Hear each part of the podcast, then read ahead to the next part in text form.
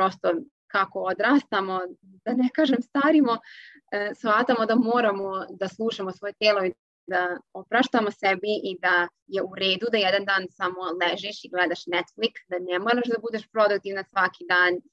Ok je da otkažeš prijateljima neki sastanak, izlazak, ok da ne izađeš na taj ispit, ne treba sebe mučiti, treba maksimalno smanjiti stres na telo, jer to definitivno pomaže u slučaju bilo koje bolesti, a pogotovo jedne ovakve vrste.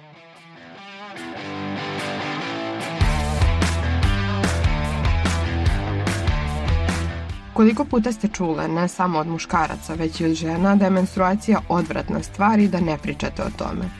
Koliko puta su vam rekli da se ne folirate kada kažete da vas stomak boli, toliko da ne možete da ustanete iz kreveta? I šta kada vam kažu tako nešto? Prevrnete očima i povučete se u stranu ili pokušate da objasnite šta se dešava? Pokušate da objasnite da je menstruacija okej, okay, da niste prljave zato što ste dobile menstruaciju, da niste nesposobne. Jednostavno, boli vas stomak usled najnormalnijeg biološkog procesa. Menstruacija je nešto bez čega ne bi bilo života, a ti nisi odvratna što je imaš. Nisi manje vredna i nesposobna, već si posebna. Slušate podcast na zdravlje. Moje ime je Nikolina Ilić i sa mnom ćete u narednih nekoliko meseci učiti o zdravlju. U ovom izdanju govorimo o endometriozi. Moje gošće u ovoj epizodi su asistentkinje na medicinskom fakultetu i specijalizantkinja ginekologije Jelena Zorić, koja će nam objasniti šta je endometrioza i kako ona nastaje. Druga gošća je doktorantkinja Aleksandra Rokvić, koja se u svom doktoratu bavi endometriozom sa sociološke strane. Sa Aleksandrom ću razgovarati o kulturološkom aspektu ove bolesti i o tome kako da osvestimo ljude oko sebe o ovakvom problemu kako bismo shvatili šta endometrioza radi našem telu i zbog čega je bitno da smo svesne veličine ovog problema, neophodno je da se upoznamo sa par osnovnih pojmova iz anatomije našeg tela, a to nam objašnjava specijalizantkinja ginekologije Jelena Zorić.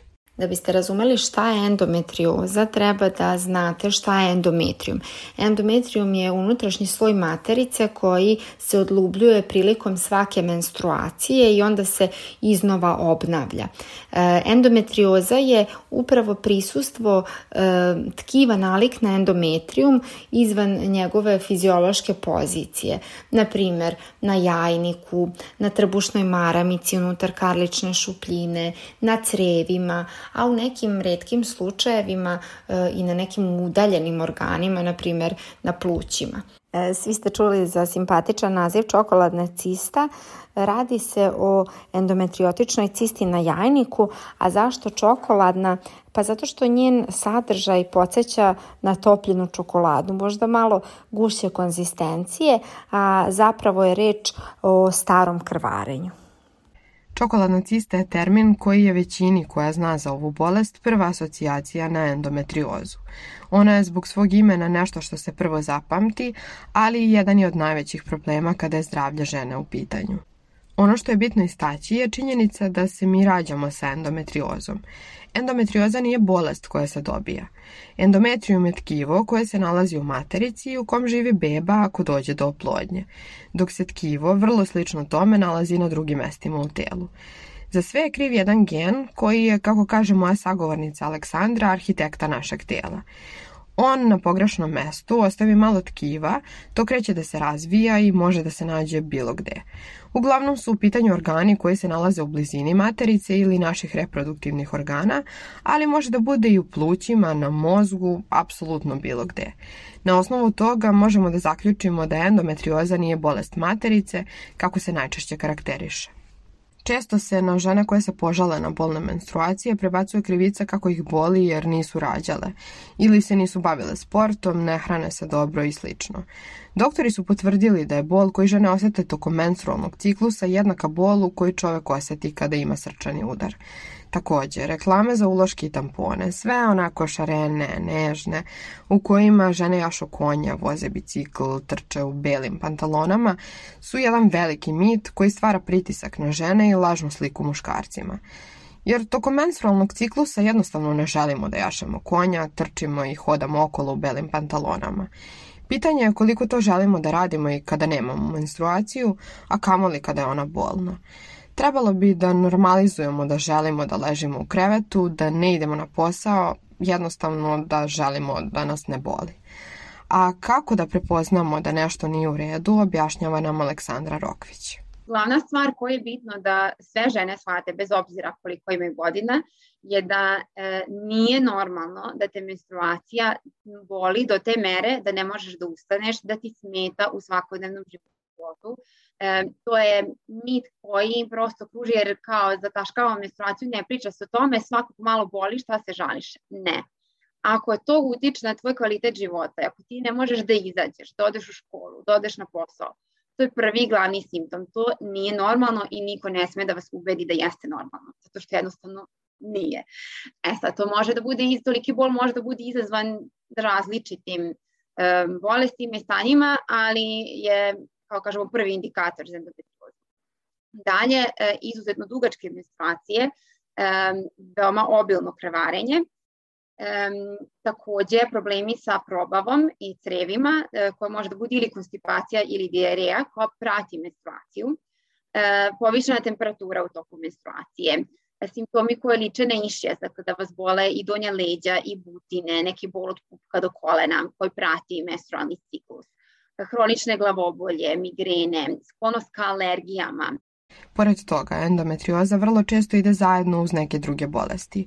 Predispozicija za alergije, problemi sa štitnom žlezdom, zapaljenje slepog crijeva i sl. Aleksandra poručuje, ukoliko imate 3 do 4 ova simptoma, potrebno je da se raspitate ili obratite lekaru za pomoć. A kako da dođemo do dijagnoze, objašnjava nam specijalizantkinja ginekologije Jelena Zorić. Nekad je dovoljno uh, za dijagnozu endometrioze uraditi ginekološki pregled i ultrazvuk. Ponekad će uh, ginekolog da traži dodatno snimanje magnetnom rezonancom, a nekad su uh, ta endometriotična žarišta toliko suptilna da se uviđaju tek nakon uh, diagnostičke laparoskopije. E, s druge strane, potpuno legitimno je pričati o dijagnozi endometrioze ukoliko ona daje neke karakteristične simptome, odgovara na adekvatnu terapiju, a ginekolog je isključio ostala stanja koja mogu da dovedu do takve kliničke slike. Međutim, jedan od najvećih problema jeste što taj dolazak do dijagnoze ume da traje godinama. Kroz razgovor sa devojkama koje imaju endometriozu, ali i sa Aleksandrom koja se takođe bori sa ovom bolešću, saznala sam da to nekada traje i po 10 godina. Prosek u cijelom svetu, od prvog dana kada odemo kod lekara do dana kada dobijemo dijagnozu je 8 godina. Vrlo često izgubimo interesovanje i motivaciju za nastavak traženja odgovora već posle prve godine. A zamislite samo kako je devojkama koje imaju toliko bolne menstruacije da ne mogu da ustanu iz kreveta, da ne mogu da obavljaju najosnovnije dnevne aktivnosti kada dobiju, a ne znaju zbog čega je tako. Aleksandra je baš zbog toga odlučila da krene da se bavi aktivizmom i da počne javno na svojim društvenim mrežama da govori o tome šta je endometrioza, kako živeti sa njom, kako se izboriti za svoju dijagnozu i kako stati na put stigmi. Još jedan od pokazatelja ozbiljnosti dijagnoze endometrioze jeste i podatak o tome da je povezana sa neplodnošću. Slušamo Aleksandru Rokvić. Endometrioza je zapravo glavni uzrok, najčešći uzrok neplodnosti, zbog toga što ona, ako je dugo netretirana, pošto ona raste i razvija se u toku našeg života, pogotovo posle puberteta, kada počinje taj redovan ciklus proizvodnje estrogena, e, ukoliko se ništa ne preduzme, može da prosto ošteti jajnike do te mere da ne može da dođe do začeća, to bi bio neki najlošiji slučaj, ali može i da se prosto nalazi, na primer, na jajovodu i blokira uh, prolaz jajnih ćelija i ako se odstrani, onda može žena da se trupni ponovo. Ali, dakle, bitno je znati da je tu i da se ta, kao blokada neka, znači može da pravi blokade da sprečava dolazak do oplodnje. Znači, to je istina da je to uh, veliki problem ali nije, apsolutno nije jedini i um, pomalo je seksistički zapravo po mojom mišljenju što se samo o tome stalno priča, kao da je jedina svrha žene da rodi i sada ti tu crkavaš od bolova, e, ne može da na posao, u školu, utiče ti na društveni život, na psihičko stanje, a svi samo pričaju da ćeš moći da rodiš decu. Uh, što mislim da svaka žena koja ima endometriozu bi se složila sa mnom da u nekim trenucima stvarno uopšte ni ne razmišljaš o tome, već samo želiš da preživiš taj dan i ono, mani me sa decom, trenutno ne mogu ni da ustanem, dajte mi neki lek da ja mogu da funkcionišem. e, da ne izgubim nedelju dana života svakog meseca zato što ne mogu da ustanem iz kreveta.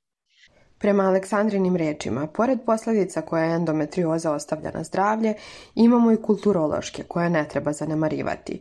To su utice endometrioze na obrazovanje, na zaradu žena, jer one gube dosta novca zbog odsustva sa posla, posebno u državama u kojima bolovanje nije plaćeno.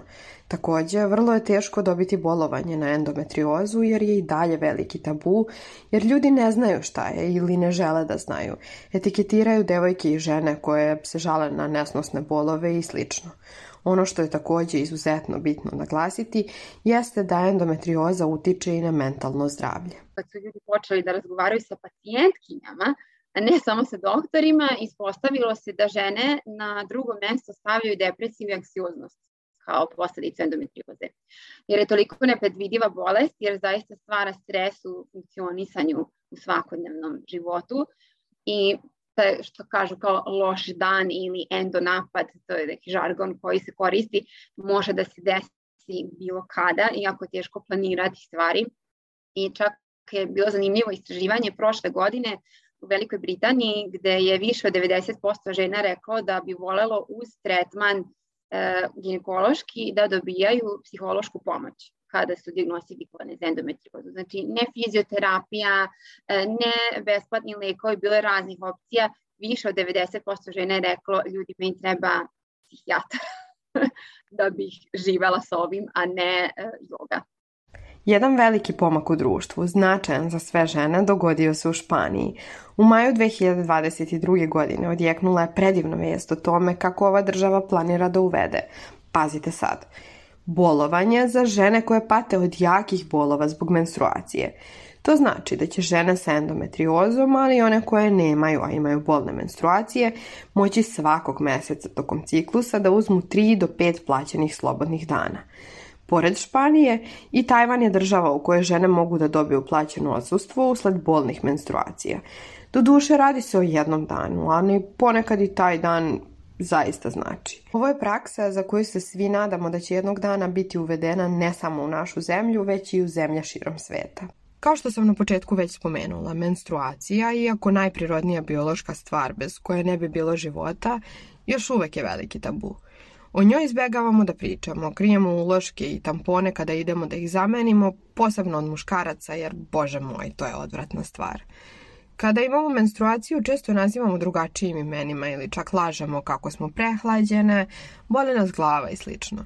Samo kako drugi ne bi znali šta se dešava, jer ponovo to je nešto odvratno. Ali menstruacija nije odvratna. Onog trenutka kada mi kao žene počnemo da pričamo o njoj kao nečemu potpuno normalnom. Onog trenutka kada prestanemo da se krijemo i da krijemo tampone i uloške, počet ćemo da normalizujemo ovu temu i u muškom društvu. A zašto u 21. veku menstruacija i dalje nešto što je fuj, objašnjava nam Aleksandra Rokvić. To nije bilo od uvek tako. E, možemo da vidimo kroz istoriju kako se menjao odnos prema ženskom telu i prema menstruaciji, pogotovo kroz religiju. I taj veliki tabu oko menstruacije i uopšte ta ideja da je to nešto prljavo e, je na našim prostorima, i tu mislim na, e, na Evropu konkretno, došla zajedno sa hrišćanstvom. I to je posledica patrijarhata. Dakle, bilo je perioda i religija u kojima, e, čak i sada ima nekih u kojima se menstruacija smatra nečim svetim zato što donosi život, zato i da izdiže žene e, i čini njih svetim bićima jer su povezane sa mesecom, sa prirodom, e, ali naš stav je potpuno drugačiji, dakle ide u negativno. I zapravo je to, po mom mišljenju, i čitav ta stvar i sa diagnostikom, jedan veliki začarani krug gde Dakle, s jedne strane imamo problem u medicini gde nije dovoljno istražena bolest i prosto nemamo alate kojima možemo da diagnostifikujemo i lako prepoznamo endometriozu. Um, u odbranog doktora ona se zaista teško diagnostifikuje, nije nemoguće, ali je proces, zato što se na tome ne radi i ne može neko ko na studijama nije učio tome da, da to prepozna, mora da bude specializovan baš za endometriozu. A zašto je malo ginekologa usko specijalizovano baš za ovu bolest i zašto se ne radi više na tome? To se dešava zbog toga što žene do pre pa, jednog veka, sto godina, ne znam da li možemo više, su bile potpuno izbačene iz nauke i nauku su vodili muškarci, takođe i medicinu, i sve je fokusirano bilo na muško telo. E, u Americi koju smatramo liberalnom i naprednom državom do 94. godine žene nisu smjela da budu uključene u medicinske istraživanja za nove lekove, znači 94 to je bilo dosta nedavno. Do te mere postoji taj seksizam i, una... i to su čak rekli da e, žene ne mogu da učestvuju zbog menstruacije, jer kao previše ima tih fluktuacija hormonalnih, pa je to previše komplikovano i previše para košta. I onda se desilo promenjanje zakon zato što se desilo da lekovi neki nisu funkcionisali na ženama zato što ih nikad nisu testirali na ženama. Mi nemamo ista tela. Kada se posmatra sa medicinskog aspekta, često se postavlja pitanje da li može da se uradi nešto da do endometrioze ne dođe, odnosno od tih bolnih menstruacija, bolova u ostalim delovima tela, nemogućnosti za obavljanje najosnovnijih fizičkih aktivnosti. Kada kažem najosnovnijih, u to uključujem i odlazak od kreveta do toaleta, jer su po pričama devojaka koje se bore sa endometriozom, bolovi toliko nesnosni da jednostavno ne možete da stanete na noge. Da li postoje mere prevencije, objašnjava nam specijalizantkinja ginekologije Jelena Zorić. Da li endometrioza može da se prevenira? E, pa nema jasnih dokaza da se endometrioza na bilo koji način može prevenirati. Govori se o nekoj zdravoj ishrani, sa manje crvenog mesa, redovnoj fizičkoj aktivnosti, pa čak i korišćenju kontraceptivnih pilula kao metodi prevencije nastanka uopšte endometrioze, ali sve to bez ubedljivih dokaza o njihovoj efikasnosti. E, takođe, kojim tempom će se endometrioza e, razvijati i napredovati je individualna stvar. I, na primjer, kod nekih žena će za 6 do 12 meseci e, nalaz napredovati, dok će za isto to vreme e, kod nekih ostati isti ili se čak poboljšati. Zanimljivo je reći da je dokazano da stepen bola koje pacijentkinja osjeća nema apsolutno nikakve veze sa stepenom proširenosti endometrioze unutar tela i čak neka manja žarišta produkuju više ovih substanci koje dovode do osjećaja bola. Specijalizantkinja ginekologije Jelena Zorić naglašava i to da je rizik od endometrioze kod žena čije prve srodnici imaju ovu bolest sedam puta veći nego kod ostalih žena. Endometrioza je neizlečiva bolest. Sa njom se živi i bori ceo život, a ono što je najbolje što medicina nudi u ovom trenutku jeste laparoskopska operacija gde se uklanja endometrijalno tkivo onoliko koliko je ono vidljivo. Ova operacija, iako može da bude efikasna, dosta je komplikovana. Operiše vas ginekolog, a endometrioza nije samo ginekološki problem. Može da zahvati recimo creva, a ginekolog jednostavno od creva ne može da operiše. Ono što je takođe problem jeste to što je endometrioza vidljiva tek onda kada doktor počne operaciju. Ne postoji aparat koji će pre operacije da pokaže gde se endometrioza sve nalazi. Operacijom se u proseku simptomi smanjuju do dve godine – To znači da operacija nije trajno rešenje, ali se bar kupuje malo vremena za koje žene neće osetiti tolike bolove. Ponovo se vraćamo na ključno pitanje. Šta kada nam ne veruju da nas boli? Jedna situacija je kada, recimo, profesoru fizičkog kažemo boli me stomak, ne mogu danas da radim fizičko. A druga je kada se požalimo doktoru i on nam ne veruje. Naravno, to nije nužno i uvek, ali je nešto što se dešava. I sama sam imala situaciju u kojoj mi je ginekolog u privatnoj klinici rekao da možda malo preuveličavam i da umišljam tolike bolove, da legnem i ne razmišljam o tome i da će proći. Ne slažem se sa tim stavom da pacijentkinje koje imaju bolne menstruacije treba da ih trpe. Bolni ciklusi imaju uvek svoj uzrok za koji postoji adekvatna terapija. Bolni ciklusi su tema za sebe. Ima žena koje e, od prve menstruacije imaju taj problem i u osnovi toga leži neki drugi disbalans e, substanci. Kod endometrioze se karakteristično javlja, mi kažemo, sekundarna dismenoreja, odnosno posle perioda bezbolnih ciklusa oni postaju bolni. Kao prva linija terapije se koriste kombinovane kontraceptivne pilule, sad sa ili bez pauze u korišćenju ili samo progestagenske pilule, pa čak i hormonska spirala dolazi u obzir u određenim slučajevima, a ako to e, ne pomogne, kao druga linija terapije, e, postoje i neki ozbiljniji lekovi. pa i hirurgija. E, naravno, pacijentkinja treba da zna da vremenom dolazi do promena na nervima i čak i pri uklanjanju uzroka bol može da perzistira. Na pitanje šta da radimo kada nam ne veruju, aktivistkinja Aleksandra Rokvić kaže idite dalje. Dok god ne saznamo uzrok, dijagnozu, dok god ne znamo šta je sa našim telom, idemo dalje u potrazi za odgovorima. Sad ne podržavam ono googlanje simptoma i da budeš sam svoj doktor, ali postoje određene činjenice sa kojima možemo da se upoznamo.